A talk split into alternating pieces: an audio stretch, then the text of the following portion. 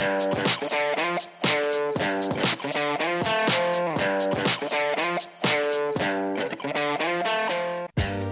och välkomna till det tjugonde avsnittet av Tro och förnuft-podden som produceras av tidningen Dagen i samarbete med Newman-institutet och Teologiska fakulteten vid Uppsala universitet. Jag heter Kristoffer Skogholt och med mig har jag Erik Åkerlund. Idag kommer vi att prata om Pierre Hadot's bok Vad är antikens filosofi? som eh, kom ut 1995 och som behandlar filosofi som en förvandling av människans sätt att leva i och uppfatta världen. Så varmt välkommen till programmet.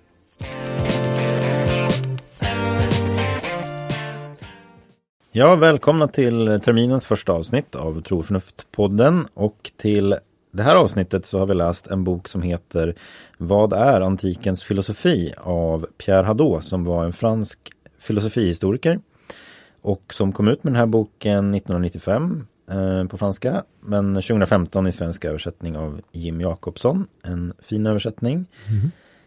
Han har också skrivit en bok som eh, i översättning på svenska skulle heta Andliga övningar och den antika filosofin. Den kom 1981 på franska och finns på engelska eh, under titeln Philosophy as a way of life.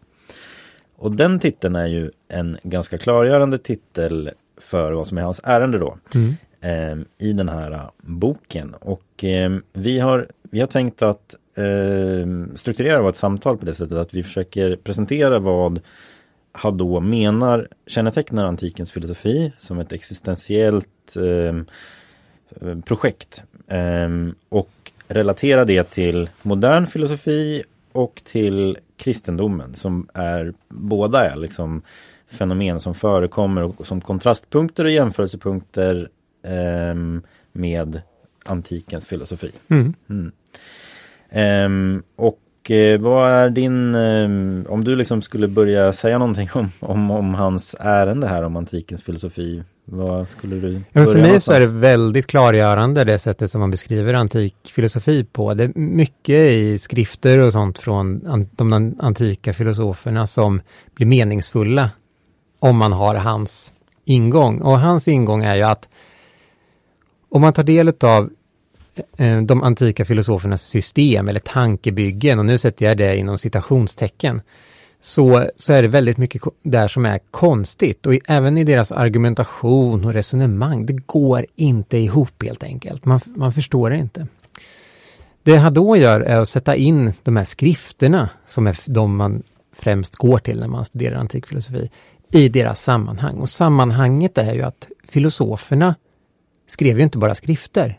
Och de, de främsta filosoferna skrev inga skrifter. Sokrates till exempel, som i alla de antika skolorna sen kom att ses som den främste filosofen. Han skrev ju inga skrifter, utan vad var det de gjorde?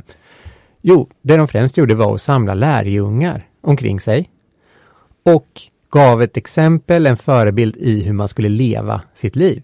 Leva livet och hur man skulle dö. Så det var ett sorts radikalt livsval som filosoferna uppvisade. Och inte alltid, eller ofta så var det inte så att de själva höll upp sig själva som att jag är perfekt, det är så här ni ska leva, titta på mig. Och Det är också intressant då med ordet filosofi, det är ju kärlek till eller vänskap till visdom. Men det är inte att man hävdar att man har visdomen, utan det är ju just i bristen på visdom. Man söker det. Så man visar ett sätt, ett, ett sätt att söka visdomen på, men med hela livet. Så ofta är skrifterna kanske bara ett uttryck för ja, men det är en sorts pedagogik som ska lära den som, den som läser det någonting, men det står i relation till då hur, hur, man, hur man lever livet. Och allting som kommer ut från de här filosoferna, om det handlar om hur världen är uppbyggd eller hur man, hur, eh, någonting om logik, tankelagar eh, och andra delar av deras filosofi. Det kommer från det här radikala grundläggande livsvalet, en, en sorts inriktning av hela existensen mot någonting. Och det är gentemot det, det som egentligen övergår eller går bortom det man kan skriva ner eh, med text. Det är utifrån det som det blir begripligt vad det är de, vad de, vad det är de håller på med. Så det är hans grundläggande ärende skulle jag säga, eller det han i grunden vill säga om då eh, titeln, eller det svar han vill ge på, på frågan som finns i titeln, vad är antikens filosofi? Ja, det är sätt att leva och sätt att dö på. Alltså Mm. man, man lär sig, det är ett sätt som man kan lära sig hur man ska leva på. Mm. Ja precis, han använder ju ofta uttrycket filosofi som terapi. Alltså Mm. det ska göra någonting med mig. Och tankarna eh, i skriftform så att säga, de finns inte bara där för att informera utan snarare för att göra någonting med mig, då, for, forma mig och sådär. Ehm, Och det är ju i det sammanhanget som man pratar om andliga övningar, som man ju känner till från den kristna historien, men som finns eh, nere i den antika filosofin. Olika typer av övningar som då lärjungen ska genomgå och göra. Mm. För att, för att liksom hitta rätt relation till, mm, att, till världen, till sig själv och till andra människor. mm. I, I vårt avsnitt som vi hade när vi läste Ratzingers bok Introduktion till kristendomen så börjar ju Ratzinger där med att säga att människans belägenhet är sådan att hon måste vara troende. Det vill Mm, säga att hon måste det. ha ett grundläggande förhållningssätt till tillvaron mm, även fast hon inte har full kontroll över hurdan tillvaron är. Så Mm. det finns ett, ett risktagande så att säga i tron och i som man då kan översätta med ett existentiellt förhållningssätt. Mm. Hurdan är världen? Mm. Och det är det här grundläggande existentiella förhållningssättet som just så att säga då är källan för filosofin i den mer teoretiska meningen. Han använder, pratar om diskursen Mm. som, som liksom den, den tänkta eh, filosofin då. Och eh, ehm, han, han, eh, kontraster, han börjar ju så att säga med Sokrates och sen Platon, Aristoteles och sen eh, sto, stoicismen, epikurismen och Mm. han tar upp eh, skepticism och, och kynism, Mm. också, eller cynism som vi skulle säga. Eh, och, och liksom kontrasterar då vilka grundläggande existentiella förhållningssätt är det som vi har här. Och, och, och det där, för mig är den här boken väldigt bra för den artikulerar alltså på ett mycket, mycket bättre sätt än vad jag skulle kunna göra. Men vad som så att säga är nerven i varför jag tycker att int- filosofi är Mm. intressant. Mm. Den ger verkligen eh, ord för det kan man säga. Och, sen Mm. så, och så visar den att filosofi är inte en avskild del av livet. Utan Mm. filosofi är vårat förhållningssätt till livet. Och eh, Och en reflektion över det, eller försök att stava ut. ja men det är ju en slags Mm. dial- dialektik Mm, hela tiden. Mellan en växel, det är ju så han säger då att di- diskursen och det existentiella förhållningssättet står liksom i, en, i ett spänningsförhållande till varandra. I slutet av boken skriver han att den, här, den synen på filosofi som han har försökt att förmedla eh, är filosofi som en förvandling av människans sätt att leva i och uppfatta världen. Mm. Och där Eh. tycker jag det är också en viktig poäng han har, det här med dialogens allt eh, eh, alla omfattande vikt. Alltså det är inte en enskild människa som sätter sig ner eh, och börjar på att tänka efter, utan eh, man gör det här i grupper, i, i gemenskaper eh, och stavar ut det och reflekterar kring det i dialoger. Man, man samtalar med varandra.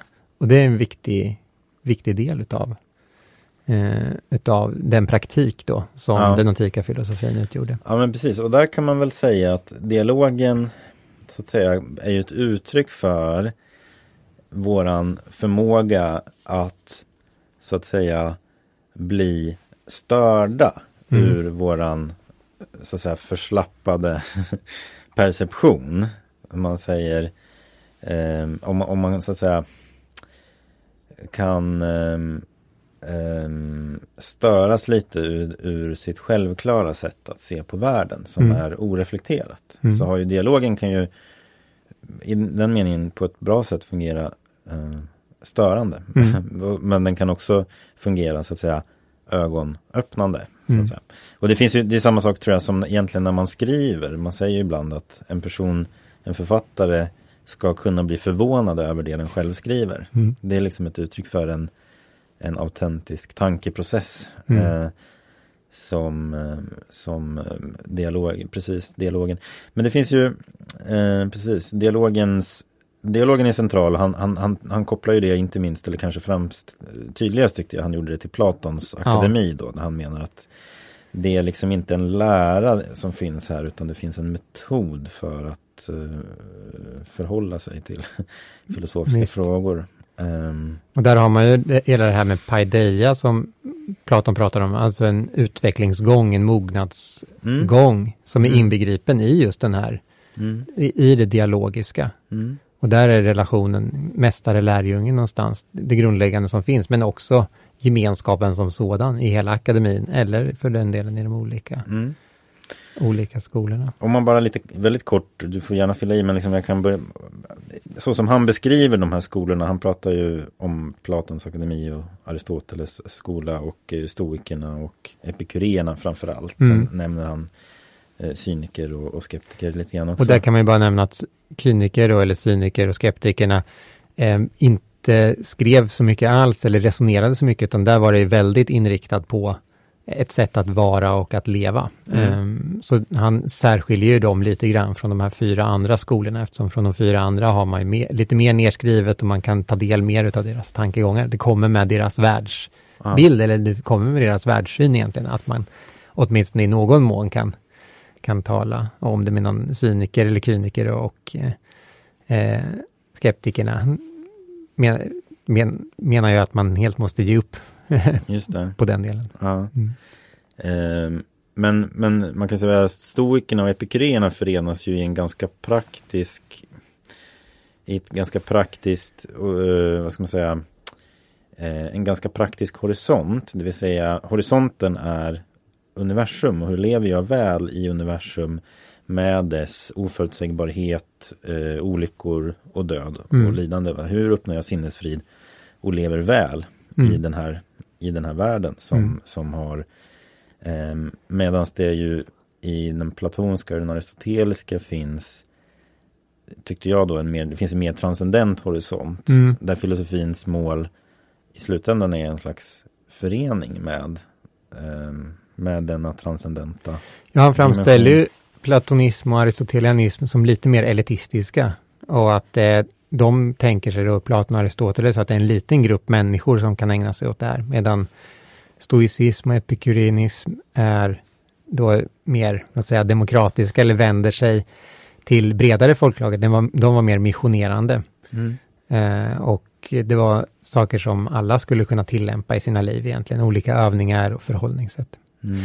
Men för, för mig var det väldigt klargörande den här skillnaden den gör mellan två grundläggande typer av andliga övningar som man kallar det då, eller mm, mm. olika sådana här praktiker. Mm. Nämligen dels det här med vad man kallar för koncentration av jaget.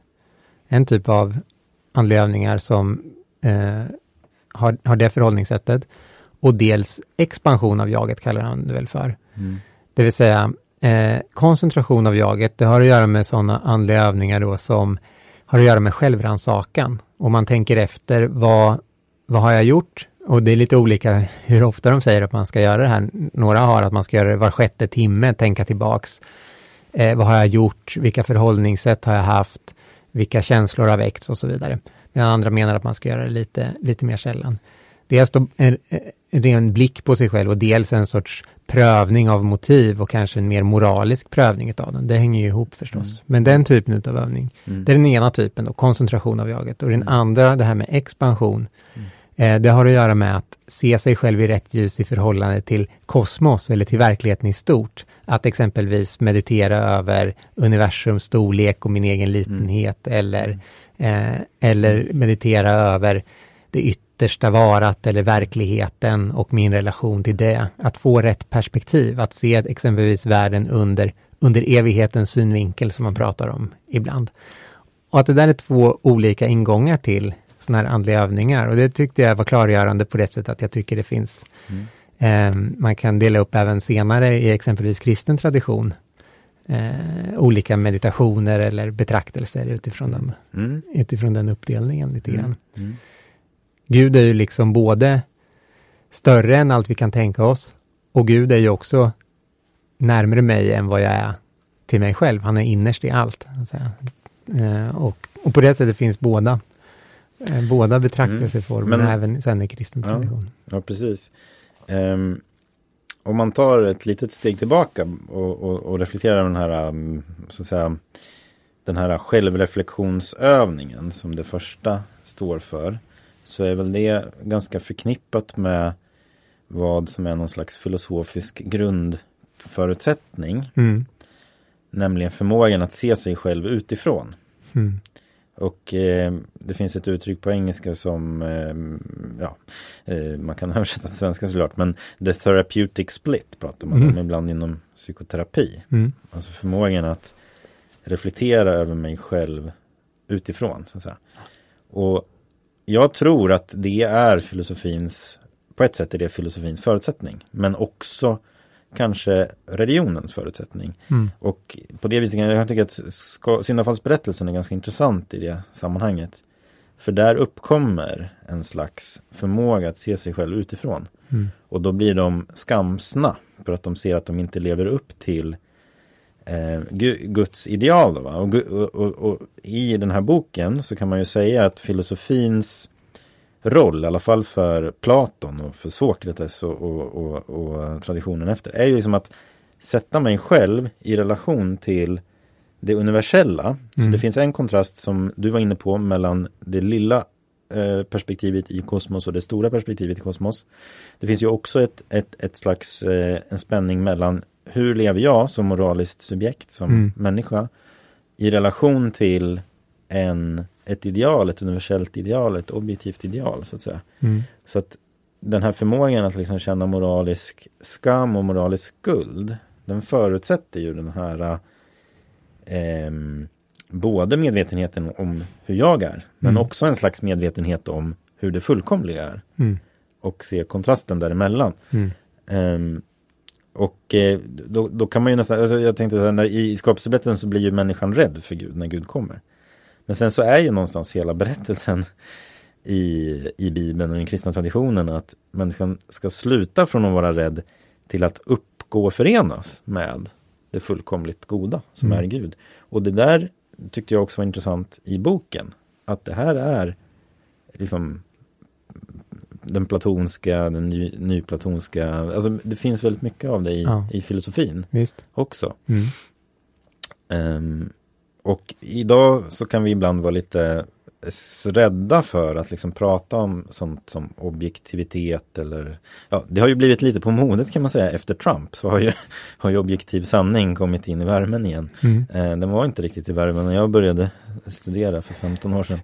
Mm, ja, eh, det finns mycket man kan säga om det. Men, men eh, låt, en sak som jag tyckte var intressant i, i den här boken det är hur han, han beskriver att den här den äkta dialogen Mm. den förutsätter ju en förutsättningslöshet hos båda. Mm. Som, men som där båda är beredda att böja sig under den, den ja böja sig eller om man vill använda för ord, ansluta sig till den objektiva sanningen. Mm. Så den, den verkliga dialogen, den verkligt dialogiska hållningen har en implicit föreställning Mm. om någonting som överskrider Mm. mig. Mm. För annars blir det bara mitt perspektiv mot ditt perspektiv. Visst. Vem Finns det vem ingenting ska att vinna? om? Nej. Och vem ska vinna? Det blir bara det blir du eller jag som vinner. Så. Visst.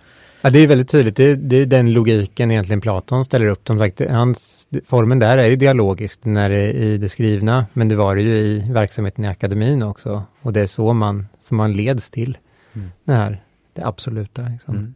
Men för att ta upp en lite annan tråd bara eh, där, för du kom in lite i början på vad du sa på eh, psykoterapi och psykologi. Mm. Och det tycker jag är intressant när man läser Mm. det här. Man kan ju ställa sig frågan, okej, vad, vad hände med det här efter, eh, efter den antika filosofin och de här skolorna upplöses och sånt där?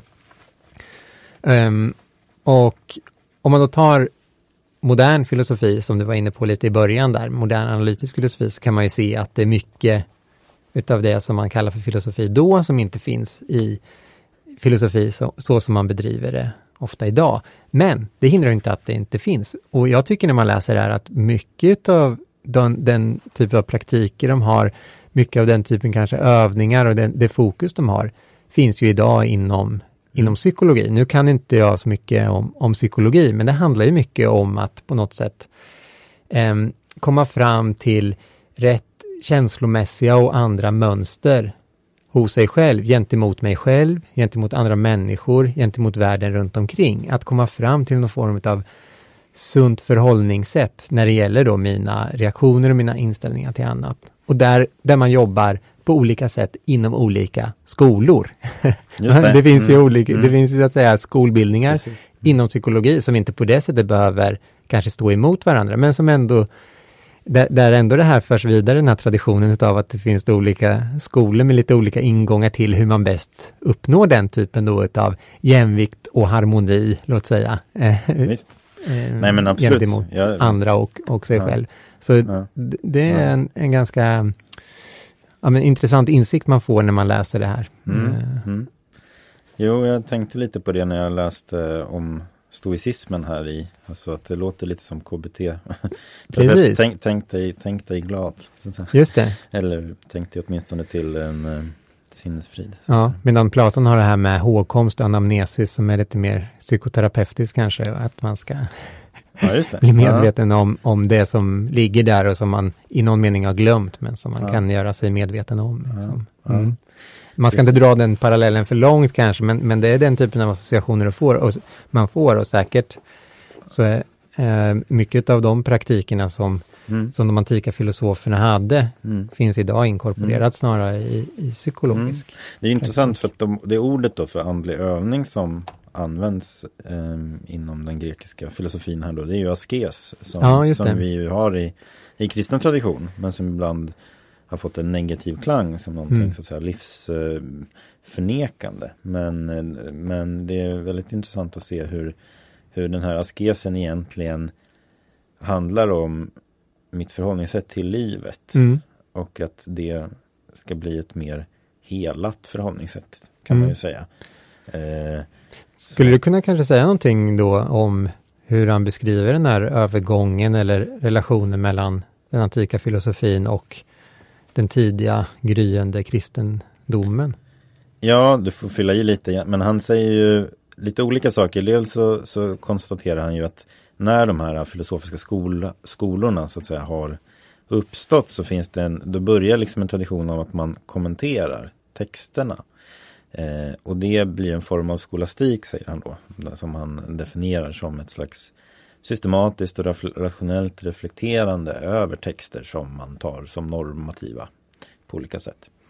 Eh, men precis, han, han citerar ju en, en hel del av, av kyrkofäderna, Clemens av Alexandria till exempel, mm. eh, Vagrius av Pontus och sådär, som, an, som liksom tar upp filosofernas eller liksom de grekiska filosofiskolornas eh, språkbruk. Origenes eh, mm. förekommer ju mycket. Just det, för det är väl två mm. spår här egentligen. Mm. Alltså dels det du säger med att den tidiga kristendomen på vissa håll framställer sig själv mm. som en, en filosofi, mm. nämligen den högsta filosofin. Och det de framförallt tänker på där i grunden handlar ju då inte bara om någon form av rationellt systembygge som stämmer till skillnad från de andra, utan det här är det bästa sättet att leva på. Eller det bästa sättet att leva och dö på. Mm, mm. Eh, det, det, här ger den rätta grundinriktningen, den rätta existentiella grundinriktningen. Sen kommer ju sanningsanspråk med där, mm. men när de, när de pratar om att det är den sanna mm. filosofin, då är det just som en, som en helhetlig och grundläggande livshållning och livsinriktning. Mm. Eh, det var det ena jag tänkte på. Det andra spåret som du tar upp där har att göra just med där han sen kommer in på hur filosofin då, i och med att det blir egentligen den kristna teologin som tar hand om frågan om människans grundläggande förhållningssätt till den yttersta verkligheten. Det, det, det, det är där det kommer in. Det bearbetas i, i kyrkan kan man säga. Det existentiella förhållningssättet blir bearbetas i kyrkan. Ja, just det. Eh, och, och det teoretiska klargörandet så mm. av teologin används filosofin för. Mm. Och det är det han beskriver som en teoretisering mm. av filosofin.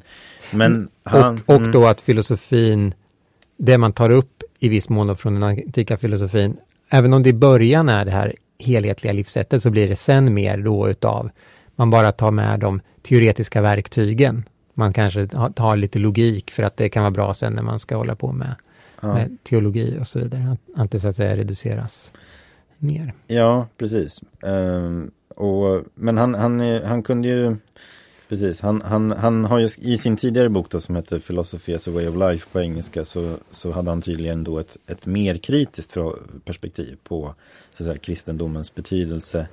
Medan han eh, genom andra författare har kommit att eh, tänka att det här filosofi som ett sätt att leva bevarades eh, och återupptäcktes tidigare men också bevarades. Och så alltså, mm. Han tar ju upp munkklosterväsendet och ordnarna och så här. Det är ju ett väldigt tydligt exempel egentligen på en, en slags filosofisk skola i ja. den här betydelsen där man har en, en vision, man har ett gemensamt liv, man har andliga övningar. Det är ju det, I västerlandet är ju det det tydligaste motsvarigheten som, som, finns. Det är ju mm. ordnarna. Liksom. Um, och, och sådär. Men jag, jag, var lite intresserad av liksom, kontrasten med modern filosofi. Vi kanske kan blanda lite här. Ja. Eh, för att det finns ju några drag i, förutom att det här att vi inte bedriver liksom, filosofi i gemenskap på det sättet som, som han beskriver, så finns det ju annat också det här och det är ju att eh, statliga universitet får ju liksom inte ha något etos egentligen. De får ju bara säga så här tycker den och så där tycker den och så där tycker den.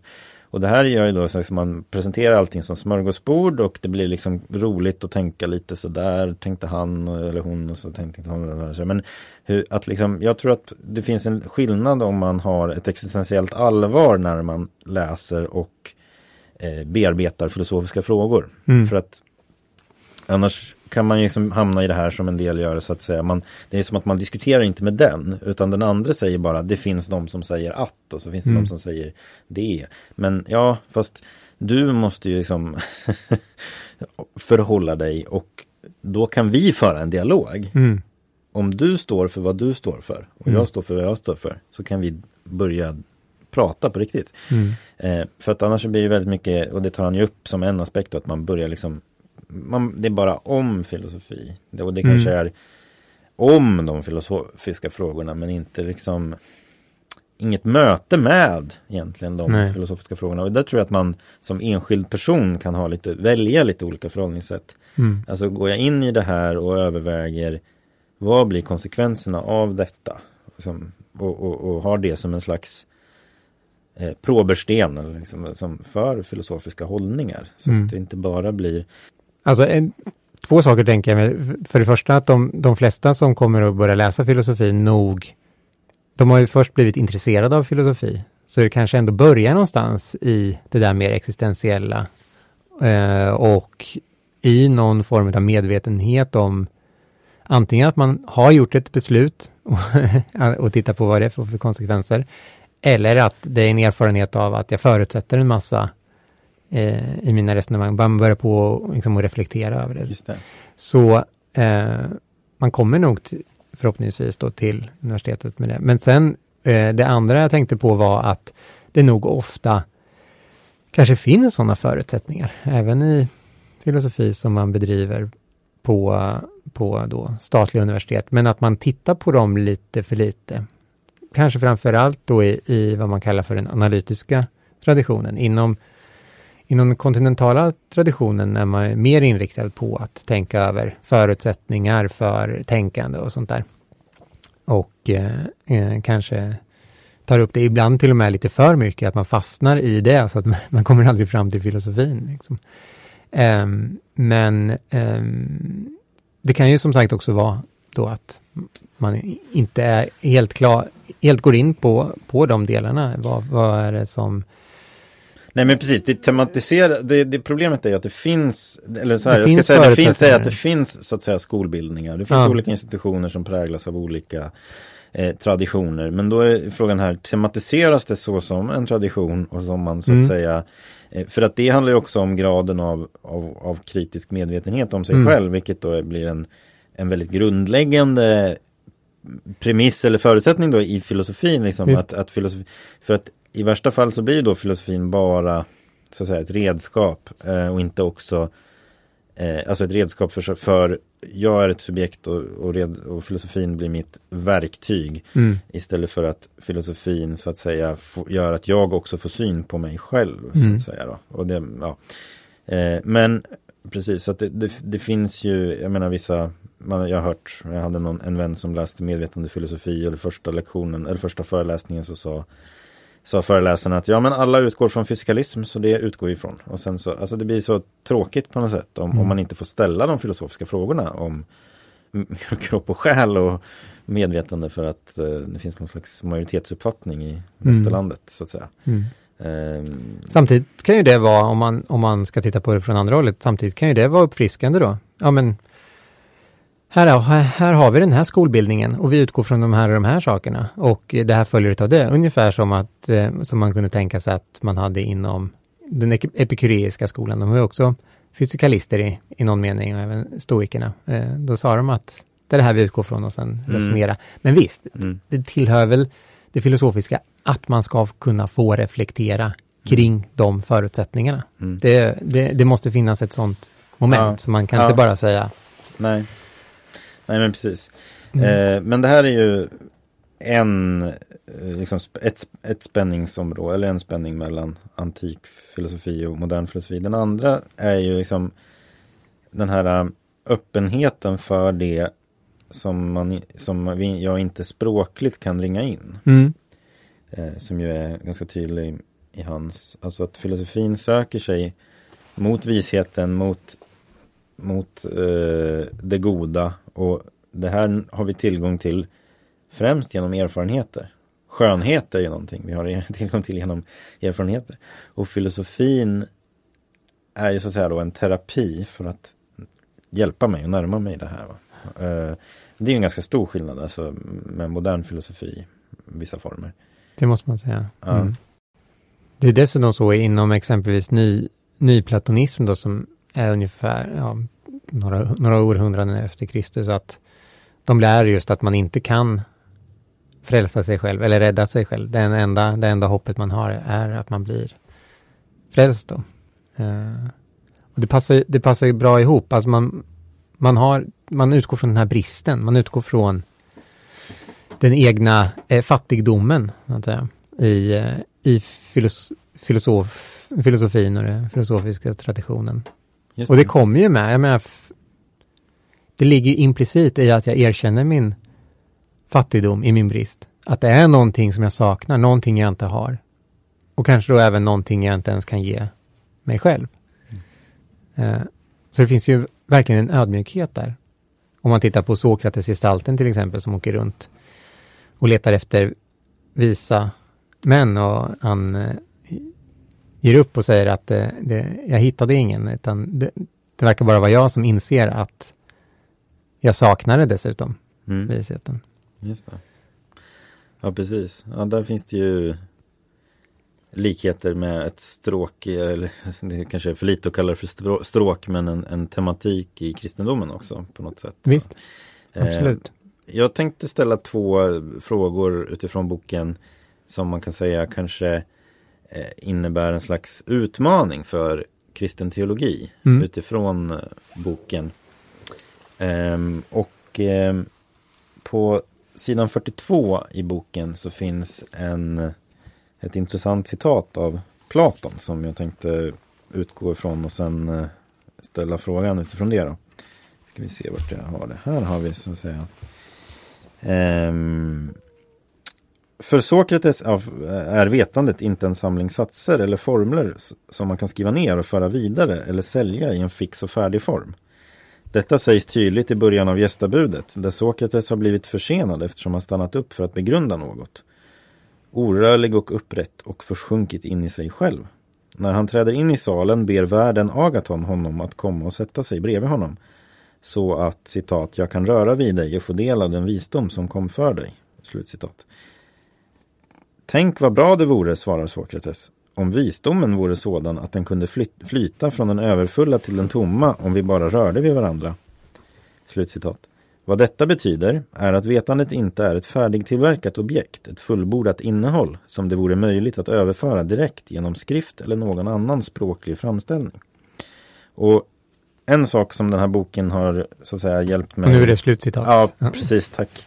Nu är det jag som pratar. Um, en sak som den här boken har hjälpt mig liksom att se klarare då genom, om vi tänker oss det här att en insikt är egentligen någonting jag inte bara kan slå upp i en bok. Utan den måste ju drabba mig på något sätt och det är en process liksom av eh, där det här sker. Och det finns ett citat från eh, Plotinos, alltså nyplatoniken, mm. Där, där han säger att för den som inte utövar dygderna så är Gud bara ett ord. Mm. Och jag skulle vilja hävda att det finns en övertro på vad det teoretiska överförandet av det teoretiska innehållet i den mm. kristna teologin kan åstadkomma. Mm. Och, um, och det för det blir väldigt liksom Jag har jobbat på ganska många dop som vaktmästare i Svenska kyrkan och sådär och då kan det vara familjer som har ganska liten kontakt med kyrkan och så som, som döper sina barn och, och så läser man trosbekännelsen och sådär men det blir liksom ett väldigt teoretiskt på något sätt förhållningssätt till Gud. Mm.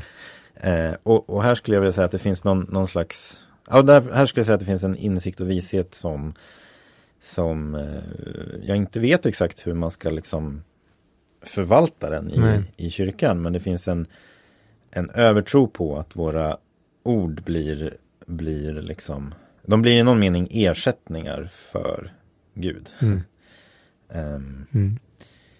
Så det var väl en lite kritisk fråga som, eh, som jag hade. Och um, den andra, den är inte så kritisk kanske, men den är intressant tror jag att reflektera över. Och det är, han pratar där om andliga övningar utifrån mm. epikyreerna mm. till exempel, som ju då har en, en materialistisk liksom världsbild. Och slumpen och, och, och, så är ganska central. Och när man, när man då liksom börjar tänka på sitt liv som en sådan gigantisk tillfällighet. Så kan det också leda till att man blir mer tacksam för den. Mm. För man har verkligen ingenting att eh, kräva. Man mm. kan inte kräva det. Va? Och det, um, det där tycker jag är intressant för att jag har drabbats av den insikten vid några tillfällen.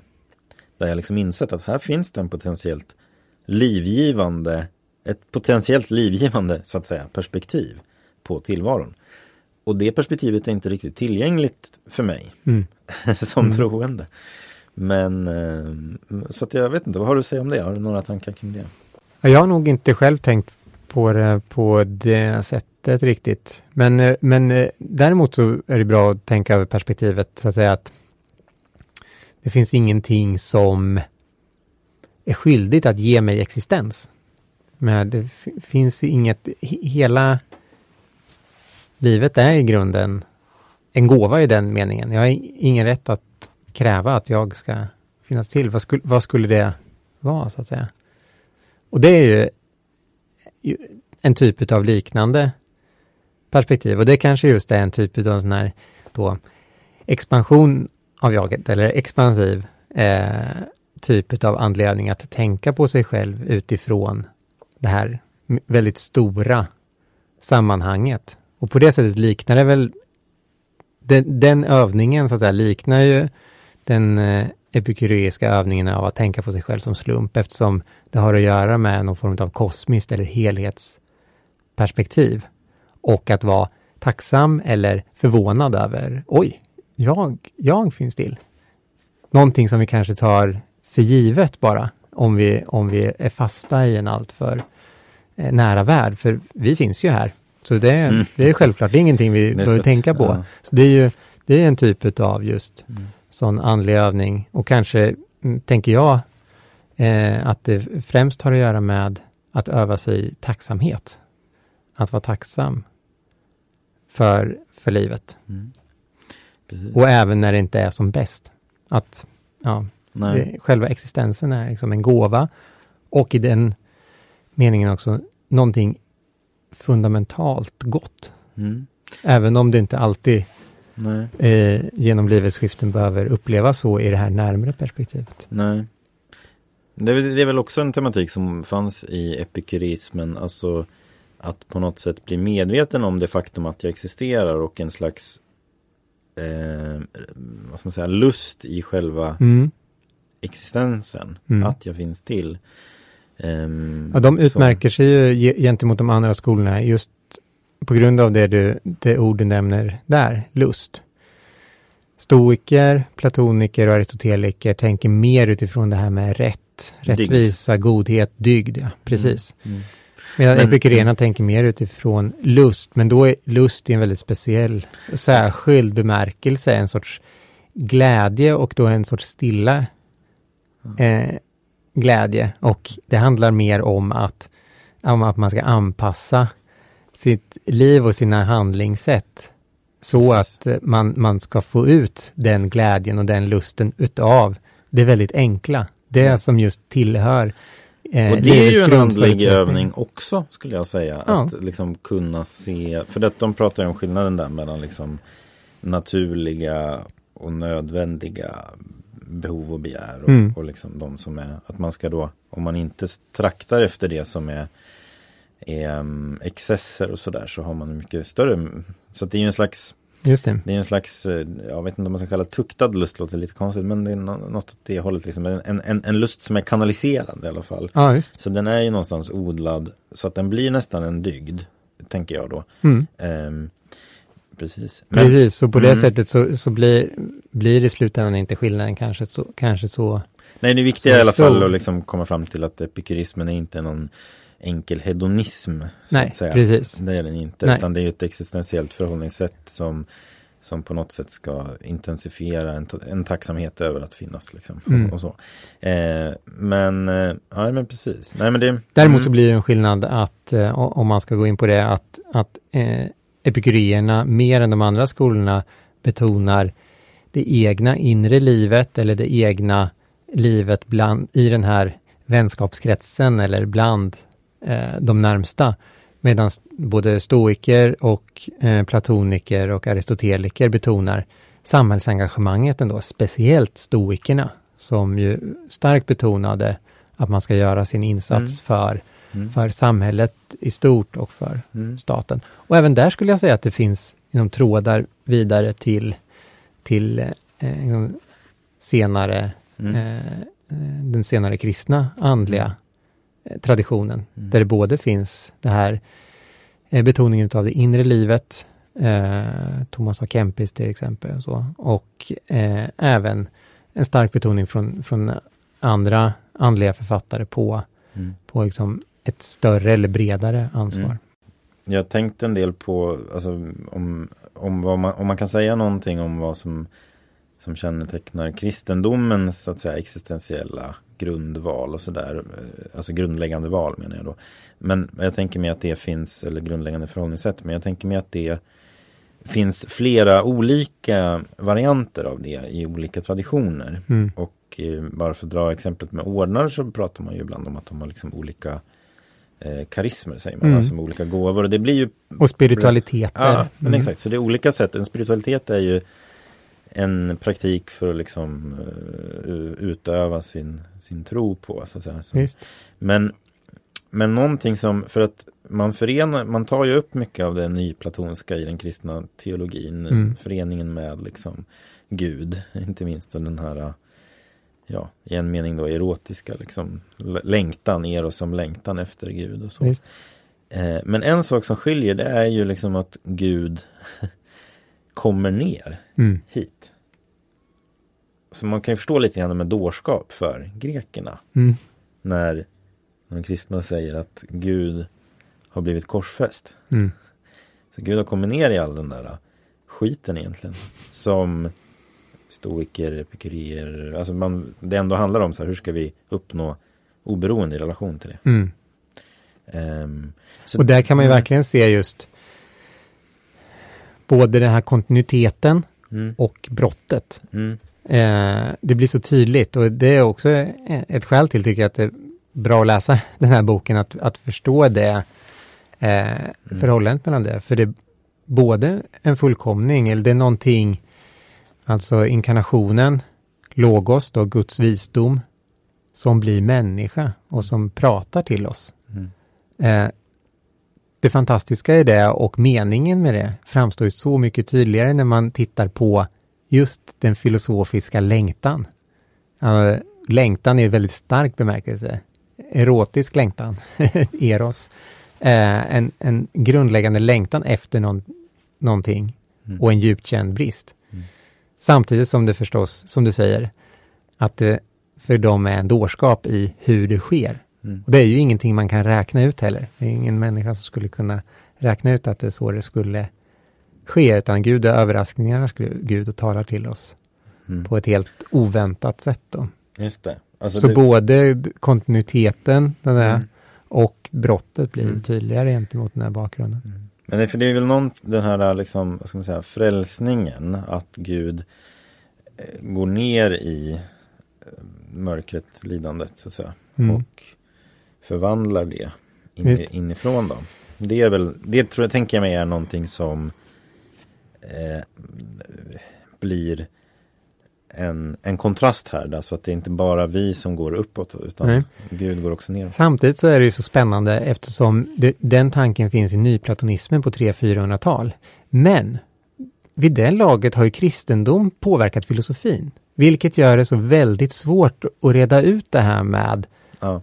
Vad som påverkar vad egentligen. För det är inte så att, att det finns en ren filosofisk tradition. Lik, lika lite som att det finns en ren grekisk eller ren semitisk eller någon, någon sån där ren tradition sådär bara.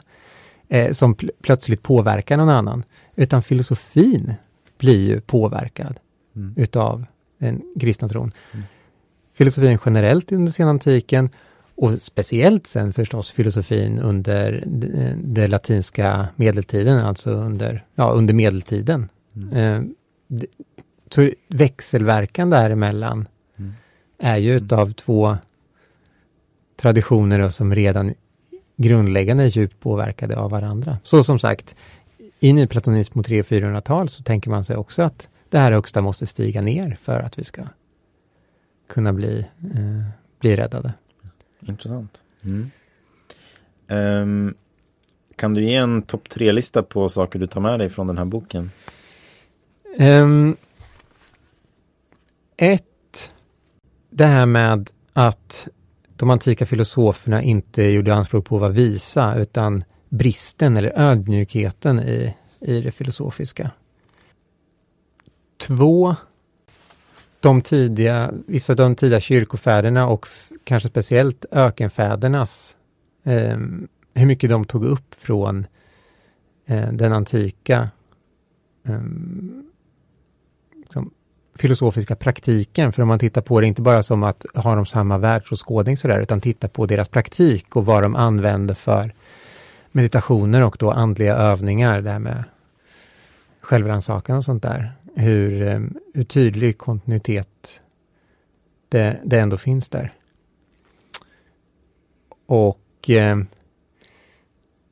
det tredje kanske skulle vara eh, det behöver inte bli en programförklaring för, för filosofi idag. Det behöver inte vara så att filosofi idag måste se ut precis som, som filosofi gjorde på antiken, men ändå att få upp ögonen för hur bred filosofin kan vara och exempelvis att man kanske hittar moment av filosofi på annat håll, till exempel inom psykologin.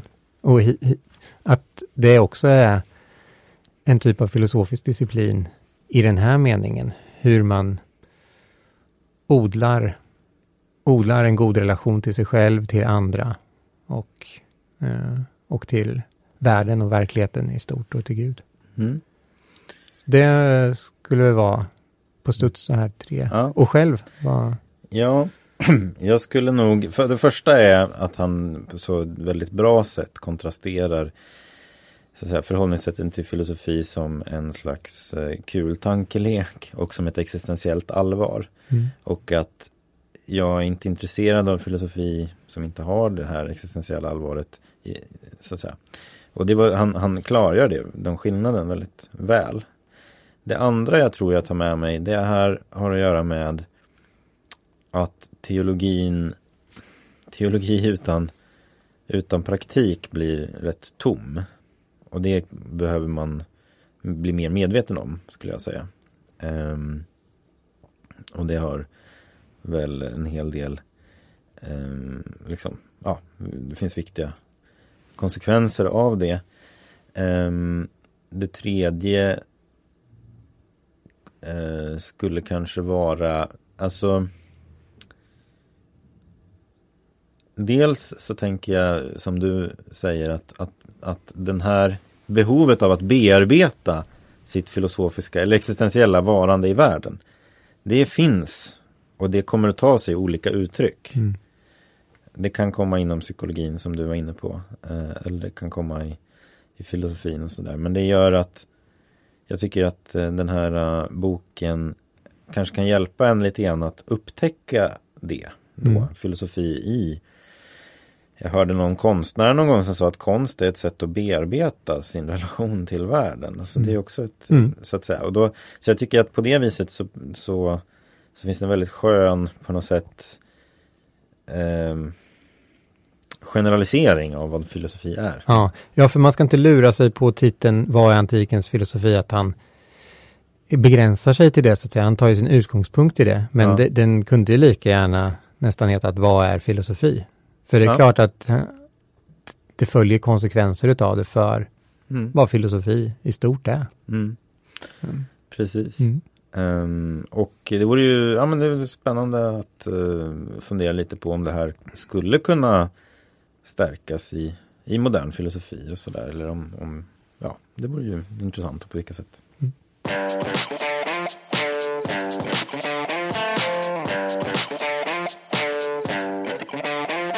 Då har det blivit dags att avrunda dagens samtal och eh, jag tänkte bara tipsa om att eh, den 16 september, måndag den 16 september klockan 19.00 så kommer Thomas Ekenberg som är lektor och docent i filosofi vid Uppsala universitet och eh, lektor på Newman-institutet också att eh, hålla en föreläsning på Newman-institutet utifrån den här tematiken som vi har diskuterat idag, nämligen filosofi som ett sökande efter meningen med livet utifrån eh, Pierre Hadot.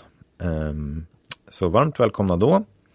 Och så kan vi säga att nästa gång så kommer vi att samtala med och lä- ha läst Ulf Jonssons nya bok Med tanke på tron. Eh, vi kommer ju alltså ha Ulf Jonsson med i programmet så det ser vi fram emot.